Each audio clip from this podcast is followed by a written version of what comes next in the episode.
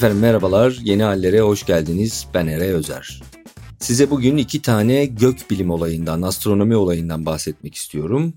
Bunlardan bir tanesi bir kuyruklu yıldız hikayesi. O kuyruklu yıldızın kendisinin bir hikayesi var. Bir de üstüne size Halle ile ilgili insanlığın tarih boyunca nasıl bir sınav verdiğini yani gökte bilinmeyen bir kuyruklu yıldız gördüğünde neler düşündüğünü bugün artık teknolojiyle bir fikrimiz var kuyruklu yıldızların ne olduğuna dair ama bundan ta 2000-2500 yıl öncesine kadar insanlık gökyüzünde bu objeleri diğerlerinden ayırmış ve bu nedir yani bir şey geçiyor oradan acaba nedir diye düşünmüş üstüne yorumlar yapmış. Biraz da böyle tatlı tatlı onlardan konuşalım istiyorum. Bir diğer olay ise güneş patlaması. Hatta isterseniz onunla başlayalım çünkü çok daha yakın. Geçen hafta içerisinde güneşte bazı patlamalar olduğu söylendi. Özellikle bir tanesi çok fazla öne çıktı. Biraz da ondan bahsedeyim istiyorum. Başlayalım. Şimdi biz güneş patlaması diyoruz. Dilimize öyle yerleşmiş. Güneş püskürtüsü de deniyor buna. Ama aslında İngilizcesi solar flare. Flare böyle alev yalaz gibi yani güneş yalazı gibi bir anlamı var.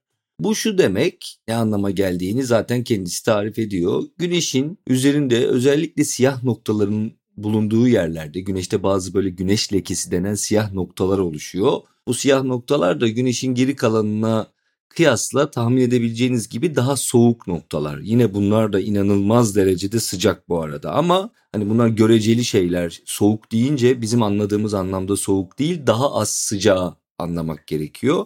Bu siyah noktaların bulunduğu bölgelerde güneş içindeki malzemeyi ki bunlar böyle atom altı parçacıklar yani çok büyük sıcaklıklarda aslında orada devam eden bir nükleer füzyon var. Bildiğimiz hani bizim atom bombasıyla nükleer santrallerde vesaire küçük küçük oranlarda yapmaya çalıştığımız şeyler oradaki çok yüksek sıcaklarda maddenin kendisiyle ortaya çıkıyor. Atom altı parçacıklarla kastettiğim elektronlar, protonlar büyük ölçüde, biraz demir az miktarda da olsa vesaire bunlar arada bir patlıyorlar. Ve tabii ki radyasyon yayıyorlar. Yani bir nükleer füzyon devam ettiği için büyük oranda radyasyon yayıyorlar. Yani aslında en özünlü ifade etmek gerekirse her bir maddenin taşıdığı çok yüksek miktarda enerji olduğunu biliyoruz. Bu enerji açığa çıkıyor ve açığa çıkarken de ne oluyor? Radyasyon yayıyor etrafa. Bu patlamalara genel olarak güneş patlaması, güneş püskürmesi, aslında güneş yalazı deniyor bilim insanları bir süre sonra şunu fark ediyorlar. Aslında bunların bu elektromanyetik döngünün bir ritmi var. O da güneş için 11 yıllık bir zaman dilimine denk geliyor. Yani güneşte 11 yılda bir birbirini takip eden, birbirine benzeyen simetrik olaylar yaşanıyor. O yüzden bir elektromanyetik güneş döngüsü 11 yıl sürüyor. Önce bir minimum periyodu oluyor. Yani bu patlamaların dolayısıyla siyah nokta sayısında bir azalma görülüyor. Daha sonra bir maksimum periyoda geçiyor. Daha sonra yeniden minimum periyoda geçiyor ve bitiyor. Böyle bir sıralama var. Ve biz aslında 2023'te maksimum döneme girdik 2022'den beri. Dolayısıyla geçen hafta içerisinde görece çok büyük patlamalardan bir tanesi oldu. Çok büyükle kastettiğimiz ne? Bunu aslında 5 seviyede tanımlıyorlar. Bir tanesi X seviyesi, geçen hafta gördüğümüz Perşembe günü yaşanan güneşteki patlama X seviyesindeydi. Onun altında M seviyesi, Manisa'nın M'si, diğeri C, Ceyhan'ın C'si, diğeri B, Bursa'nın B'si ve en düşük seviyede A. Bunlar A sınıfı, B sınıfı, M sınıfı, C sınıfı filan diye gidiyor. X ise bunların en büyüğü. Geçen haftakinin büyüklüğü X 2.8 büyüklüğünde olduğu söylendi. Bir de patlamaların manyetik etkisiyle ilgili bir ölçekleme var. O da R1'den R5'e kadar gidiyor. R3 olduğu söylendi. Yani en ekstreme yakın ortada bir yerde etkileri itibariyle. Peki ne oldu geçen hafta güneş patlaması oldu da özellikle Amerika bölgesini etkilediği için daha çok haberlerde gördük. Çünkü oradan daha çok haber alıyoruz dünya olarak. Orada üretiliyor bilimsel haber dediğimiz şeyler. Orada gerçekten pilotların telsizlerinde bir takım iletişim sorunu yaşandığı, bazı radyo dalgalarında bir sorun yaşandığı, bazı gerçekten telsiz sistemlerinin çalışmadığı filan gibi böyle bir takım kesintiler olduğunu gördük. çok büyük bir etkisi olmadı.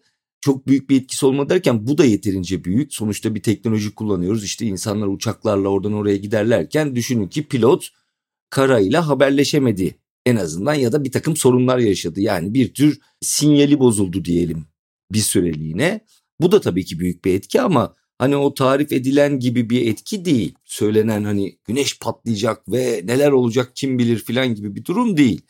Bundan daha kötüsünü yaşamış insanlık. 1859 yılında tarihte bilinen en büyük patlamalardan bir tanesi olmuş, yaşanmış. Bu patlama da zaten kendisini gözleyen insanın ismiyle Carrington'la anılıyor. Richard Carrington bir bilim insanı 19. yüzyılın ikinci yarısında bu patlamayı gözlemliyor ve o zaman ölçülebilen dönem daha sonrasında gelecek. Bu sadece gözlemlenebilen döneme bakıyoruz. Ama yani dünya üzerinde çok az elektrikli teknoloji olmasına rağmen yine de çok ciddi etkileri olduğunu görüyoruz. Ne gibi? Mesela bazı telgraf makineleri yanmış. Yani düşünün Hatta ve hatta bu telgraf makinelerinden kıvılcım çıktığı için onların hemen yakınında bulunan bazı kağıtların da alev aldığı. Dolayısıyla telgraf hanelerin yandığını filan görebiliyoruz. Anlatılıyor yani görebiliyoruz dediğim. Dolayısıyla o zamanın bu elektriğe daha az dayanan kısıtlı teknolojisiyle yaşanmış bu patlamada böyle şeyler olduğuna göre bugün olsa daha ciddi şeylerin olabileceği söyleniyor.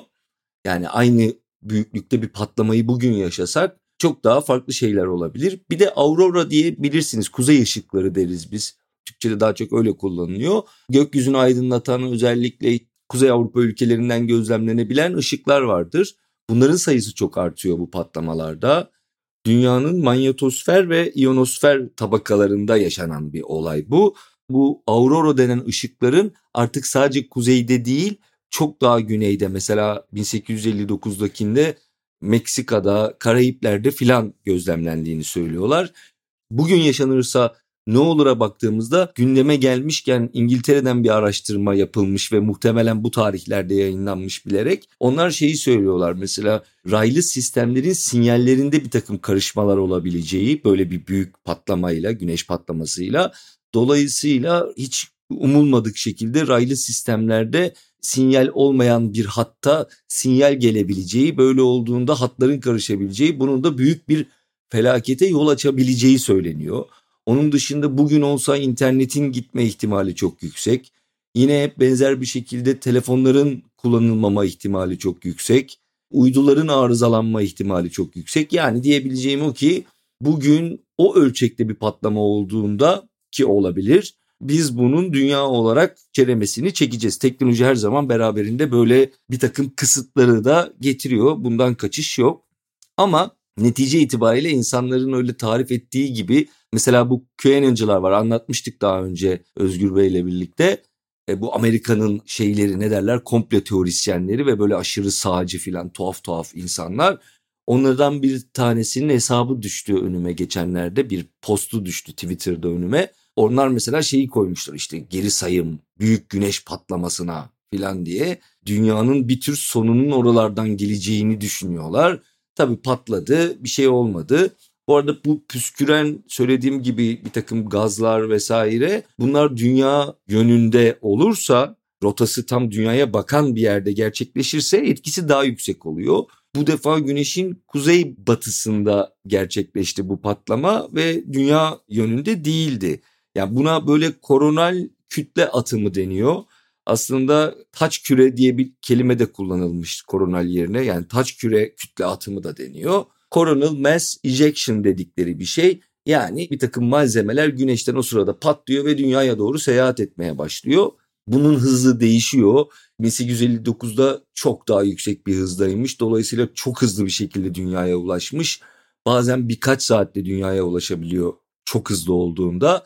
Yok o parçacıklar çok daha yavaş yavaş ilerlerlerse patlamanın şiddetine bağlı olarak birkaç günde de gelebiliyor. Mesela geçen perşembe yaşanan patlamanın işte hafta sonunda bizim iyonosferimize, manyetosferimize ulaşacağı söyleniyordu. Ama ulaştığında da gördük ki çok önemli bir şey yaşanmadı. Sadece geçtiğimiz hafta perşembe günü yani patlamanın olduğu esnada radyoaktif etkileşimden dolayı biraz evvel söylediğim gibi telsiz iletişiminde bir sorun yaşandı. Bir de uzun zamandır size anlatmak istediğim bir kuyruklu yıldız hikayesi var. Aslında bir tane somut olay var. Yani durduk yere kuyruklu yıldız anlatayım demedim. 12 Pons Brooks diye bir kuyruklu yıldız var. 12 Pons Brooks da şey demek yani işte onu bulan insanların adıyla anılıyor kuyruklu yıldızlar. Keza Halley'de Edmund Halley'in 1705 yılında onu tespit etmesi ve onun hakkında yazmasıyla bu ismi alıyor. Pons Brooks'u da işte soyadı Pons ve Brooks olan iki insan tarafından bulunmuş. İlk olarak 1812'de Jean-Louis Pons tarafından tespit ediliyor bu bahsettiğim kuyruklu yıldız. Daha sonra bir sonraki döngüsünde 1883'te de William Brooks tarafından aslında yeniden keşfediliyor derken bunun farklı bir kuyruklu yıldız olduğu ve kataloğu değişiyor yani. Dolayısıyla bu ikisinin birden ismini verelim demişler. O yüzden Pons Brooks diye anılıyor. Bunun da böyle döngüsü tahmin ettiğiniz gibi 1812 ile 1883 arasında 71 yıl var. 71 yıllık bir döngü. Halley de aslında 3 aşağı 5 yukarı benzer. O yüzden Halley'e benzetiliyor. Halley'in kendi döngüsü de 76 yıllık bir döngü. Değişebiliyor. İşte 76'nın biraz altına düşebiliyor. 79 yıla çıkabiliyor. Ama ortalama olarak 76 yılda bir Halley dünyaya yakın bir konumdan geçiyor. Bu güneş sisteminin etrafında dönen kuyruklu yıldızlar bunlar ve belli bir yörüngeleri var. Güneş sistemin dışına çıkıyorlar. Daha sonra yeniden içine giriyorlar. Güneşin etkisi etrafında dönüyorlar. Güneşe yaklaştıkça ısı artıyor. Isı arttıkça üzerindeki su ve başka maddelerin erime durumu ortaya çıkıyor. Bu da arkasında bir gaz ve toz bulutu bırakıyor tabiri caizse. O yüzden biz o arkada böyle bir kuyruk görüyoruz. Bu 12 Pons Brooks'u onu aslında 12 Pons Brooks diye söylemem lazım ama çok zor öyle 12 Pons Brooks deyip geçeyim. Buna şeytan kuyruklu yıldızı diyorlar. Sebebi de şu bunun iki tane bazen oluyormuş bu iki tane arkasında kuyruğu var. O kuyruklar da aslında bir yerden sonra şeytanın kulakları gibi oluyor. O yüzden böyle hani iki kuyruğu birden olduğunda bir şeytan silüeti ortaya çıkıyor diye Devil Comet diyorlar. Ama benzer bir şekilde Millennium Falcon'a Star Wars'ta benzetenler var. Onun da böyle bir ortası yuvarlaktır ve iki tane kuyruğu vardır. O Millennium Falcon isminde uzay aracının Falcon'a da Falcon demem Falcon falan diye söylemem lazım. Bu İngilizceyi Türkçe konuşurken konuştuğumuzda çok acayip oluyor. Çocukken level 12'ye geçtim, level 3'e geçtim filan gibi söylerdim. Bir komşumuz vardı ve bana sürekli şey diye kızıyordu. Eraycığım level demen lazım. Siz artık Anadolu Lisesi'nde okuyorsunuz. Bunu böyle telaffuz etmemelisin filan diye. Ben de level ne ya? Level işte level 1'den level 2'ye geçtim filan derdim. Şimdi level diyorum aslında ama Falcon diye söylemek bana bir tuhaf geliyor. Millennium Falcon işte o aracın adı. Neyse bizim kuyruklu yıldızımızı da ona benzetiyorlarmış efendim. Enteresan olan şey şu. Niye kuyruklu yıldızı anlattın? Çıplak gözle görme ihtimalimiz var seneye. Nisan ayında, Mayıs ayında filan. Neden ihtimalimiz var diyorum? Çünkü geçtiğimiz yılın Temmuz ayından beri bu 12 Pons Brooks'ta bir takım patlamalar oluyor. Buna kriyovolkanik diyorlar. Soğuk volkan gibi bir şey. Yani dışı böyle daha katı, içinde bir takım gazlar var vesaire. Bunlar böyle patlıyorlar yanardağ gibi. Bu patlamalarla hem rengi değişiyor hem de parlaklığı değişiyor. Magnitude'ları var bu parlaklıkların işte 4, 5 vesaire diye gidiyor. Dörde gelirse yani dördüncü magnitude'da en yakın konumunda dünyaya çıplak gözle gözlenebileceği söyleniyor. Bu patlamalardan bir tane daha olursa gözlenebilir dediler. Üstüne 3 tane daha oldu. Yani 12 Pons Brooks Temmuz'dan bu yana tam 4 kere patladı. Bu böyle gözlemlenmiş bir şey değil daha önce. İlginç yani. Olmamış bir şey. Dolayısıyla heyecan verici kısmı belki de biz şu ahir ömrümüzde gökyüzünde çıplak gözle bir kuyruklu yıldızın geçişini göreceğiz. Kuyruklu yıldızlar meteor gibi değil. Yani şunu demeye çalışıyorum böyle zıt diye geçip gitmiyorlar. Yani gece boyunca özellikle az ışık alan bölgelerdeysek onu böyle kuyruğuyla birlikte gözlemleyebiliriz. Ama diyorlar ki bu olmasa bile yani çıplak gözle görülmese bile basit bir dürbünle bile gözlenebilecek veya basit bir teleskopla. Yani teleskop birazcık pahalı kaçar ama insan sırf bunu görmek için dürbün alabilir. İlla da böyle astronomi meraklısı olmaya gerek yok diye düşünüyorum. Ben merak ediyorum açıkçası. Bir arkadaşıma doğum gününde biz teleskop hediye almıştık. Ona şey dedik. Önümüzdeki baharda biz onu beraber izler miyiz dedim ben. O da dedi ki olur tamam izleriz tabii ki. Yani ben bir teleskopla bakacağım kısmetse. 12 Pons Brooks'la ilgili söyleyeceklerim bu kadar. Önümüzdeki yıl çıplak gözle görebileceğimiz hele ki o tarihlere daha yakın bir tarihte böyle Ocak Şubat gibi bir patlama daha olursa gerçi dört kere patladı ama o zaman ihtimal çok daha fazla artacak. Kesin olarak emin olamıyorlar dünyadan çıplak gözle görülüp görülmeyeceğinden henüz ama ihtimal var. Ben size istiyorum ki birazcık da böyle Halley'den bahsedeyim. Halley bugün artık yeni jenerasyonun bir atıştırmalık markası olarak bildiği bir şey ama benim çocukluğumda hayal meyal hatırladığım bazı Halley hikayeleri vardı. Yani çünkü en son 1986 olması lazım son geçişi dünya yakınından. O nedenle böyle bir bir önceki geçişine yani 1910'daki geçişine referansla gündem olmuştu. Ben böyle hayal meyal hatırlıyorum. Televizyonda bir eski dönem dizisi hatırlıyorum. Böyle yalan olmasın ama Çalı Kuşu falan olabilir. Tarık Tarcan falan oynuyordu. Hayal meyal bunları dediğim gibi karıştırıyor olabilirim. Çok emin değilim. Hani bu böyle peçeli ve böyle şemsiyeyle gezen, küçük şemsiyesiyle gezen hanımlar olur. Öyle bir görüntülerde böyle bir Halley muhabbeti olduğunu hatırlıyorum. Zaten Türkiye'de 1910'larda bu konu çok gündeme gelmiş. Aslında sadece Türkiye'de gelmemiş. 1910'da dünyaya çok yakın bir konumdan geçiyor Halley. Yani her zaman aynı yakınlıkta olmuyor. Çok teknik detayları var. Uzay birimi yani dünyanın güneşe olan yakınlığını bir birim alarak ona göre hesaplanıyor. Dünyanın güneşe olan uzaklığının yarısı kadar falan bir mesafeden geçiyor ve bu büyük bir olay oluyor bütün dünyada. Sadece Türkiye'de değil ama Türkiye'de de yani o zaman Osmanlı'da da bu konu çok konuşuluyor. Kuyruklu diye anılıyor filan. Dünyaya çarpacağı ve dünyada büyük bir felakete yol açacağı söyleniyor Halley'in. Birazcık araştırdım şöyle bir hikayeye denk geldim. Aslında hikayenin cemazül evveli de şu 1910'da Fransız astronom yani dünyadaki yayılmasının sebebini anlatıyorum şu anda. 1910'da Fransız astronom Camille Flammarion dünyaya yaklaşacak Halley'in kuyruğundaki gaz kütlelerinin dünya üzerindeki yaşamı sona erdireceğini iddia ediyor. New York Times da bunu birinci sayfasında yayınlıyor. Öyle olunca ortalık karışıyor.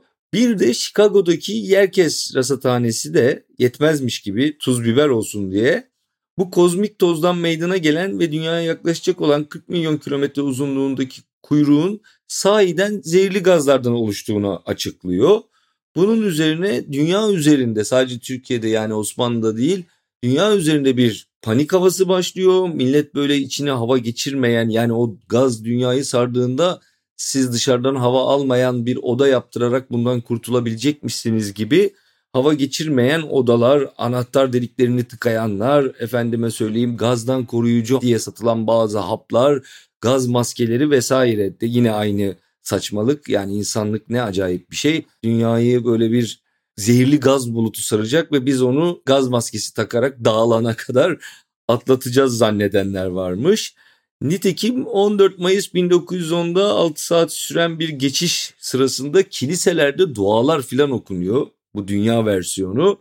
19 Mayıs 1910'da Chicago Tribune gazetesi hala buradayız diye manşet atıyor çünkü bir şey olmuyor. Zaten şöyle bir şey var. Biz çok daha yakın geçtiği bir tarihte Halley'in kuyruğunun içinden geçmiş dünya. Yani o toz etrafında arkasında bıraktığı toz bulutunun içerisinden geçmiş. Böyle bir şey olmuyor. Bunun bir benzeri Osmanlı'da da yaşanıyor. Osmanlı'da insanlar özellikle büyük şehirlerde bir panik oluyorlar. İşte Hüseyin Rahmi Gürpınar'ın Kuyruklu Yıldız Altında Bir İzdivaç diye romanı var. Bu meseleyi oradaki paniği ince ince hicveden.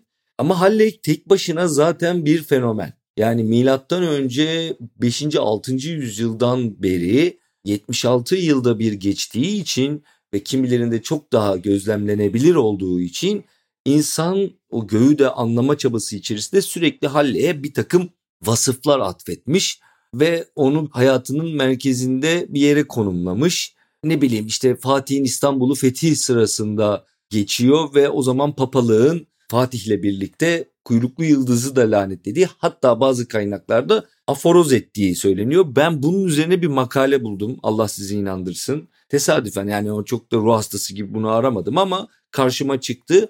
Yani aforoz değil o. Ama bir tür lanetleme yani. Hani Allah bu kuyruklu yıldızı da Fatih'i de filan diye. Çünkü İstanbul'u da aldı geliyor falan diye. O zaman Avrupa'ya korku salıyor.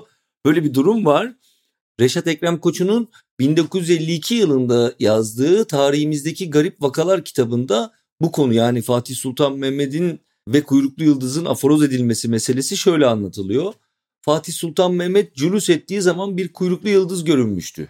Papa o zaman yıldızı Türk ve Müslüman dostu zındık yıldız olarak aforoz etmişti. Bu kuyruklu yıldızın sonra Halley kuyruklu yıldız olduğu öğrenildi. Balkan Harbi'nde Bulgarlar Çatalca'ya kadar ilerlerken Halley kuyruklu yıldızı yine görünmüştü. O zaman kilise adamları Türklerin uğurlu yıldızı göründü. Bulgarlar gene mağlup olacaklar demişti ve hadiseler de böyle oldu diye böyle bir takım şeyler var, atıflar. İsa'nın doğumu esnasında bu yıldızın göründüğü, yakın tarihlerde geçmiş aslında.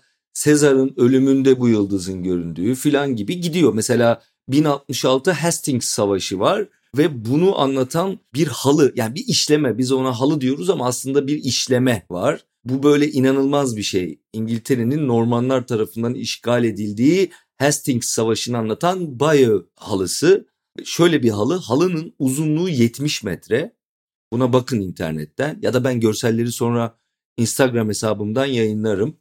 Yüksekliği ise 50 santimetre filan ve onun üzerinde o kuyruklu yıldızı gösteriyor insanlar. Birazcık biçimsiz bir kuyruklu yıldız yalnız ancak o kadar işleyebilmişler köşeli möşeli ve orada Halley'i görüyorsunuz. Yani bundan işte ne oluyor bin yıl önce. Keza aynı şekilde 1301'de İtalyan ressam Giotto'nun Bethlehem yıldızı tasvirinde de var. Orada da böyle çok çarpıcı ve çok acayip bir durum var. İtalyan ressam Giotto'nun dediğim gibi Bethlehem yıldızı tasvirinde kuyruklu yıldız Halley yer alıyor.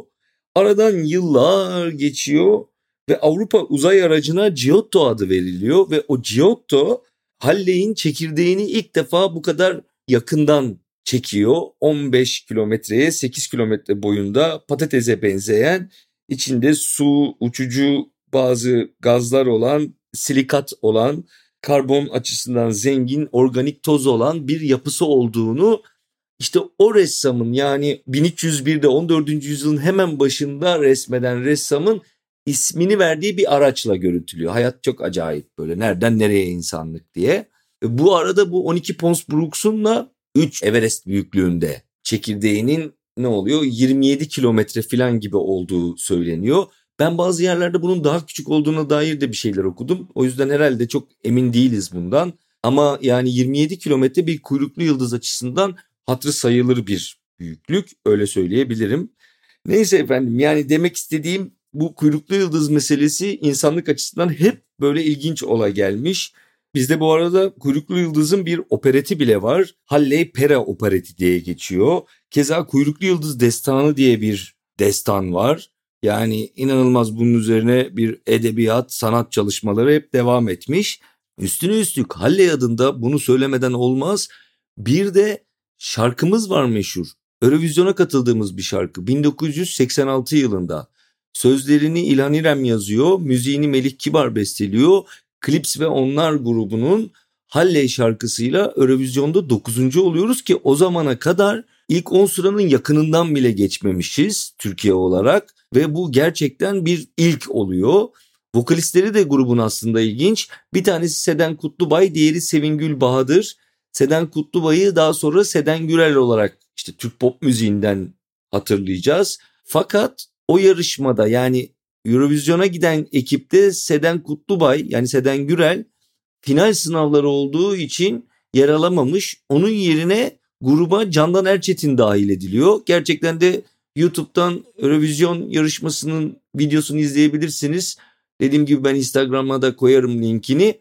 Orada Candan Erçetin ve beraberinde Sevingül Bahadır yer alıyor. Bu da ilginç. Bir de bir diğer finalist ise Seyyal Taner'in dünya şarkısıymış.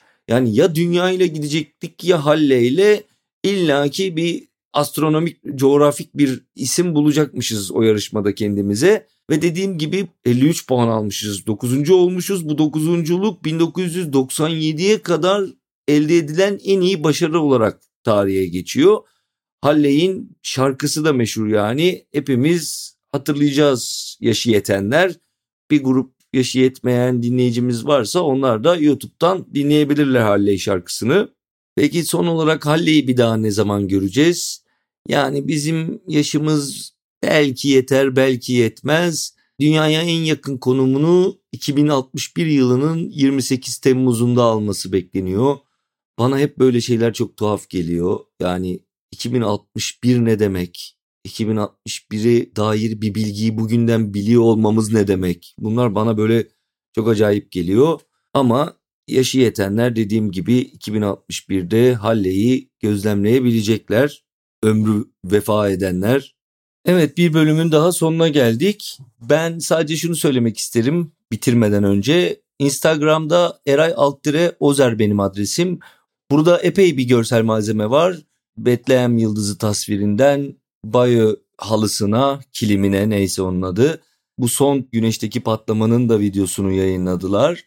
Dolayısıyla bu görselleri bölüm yayınlandıktan birkaç gün sonra benim storylerimde paylaştığımda bulabilirsiniz. Geldiğinizde storylerde olmazsa eğer profildeki o kalıcılar kısmında zaten onları kaydediyorum ve orada duruyor onlar. Oraya da bakabilirsiniz. Bir de efendim her bölümün sonunda olduğu gibi şunu hatırlatmak isterim. Sizin yeni hallere katkılarınız çok önemli. Yeni halleri paylaşın tüm sevdiklerinizle. Bir de patreon.com slash yeni haller adresinden hem Patreon'a özel bölümleri dinleyebilirsiniz. Bazı bölümler normalde Spotify'a vesaireye yüklenirken bazı bölümleri sadece Patreon'a özel olarak kaydediyorum. Dediğim gibi patreon.com slash yeni haller hem de oradan yeni hallerin bu içeriklerine ulaşırken yeni hallere destek olabilirsiniz. Patreon'dan destek olursanız yeni hallerin uzun ömürlü olması için siz de bir yardımda bulunmuş olursunuz. Çok teşekkür ediyorum şimdiden.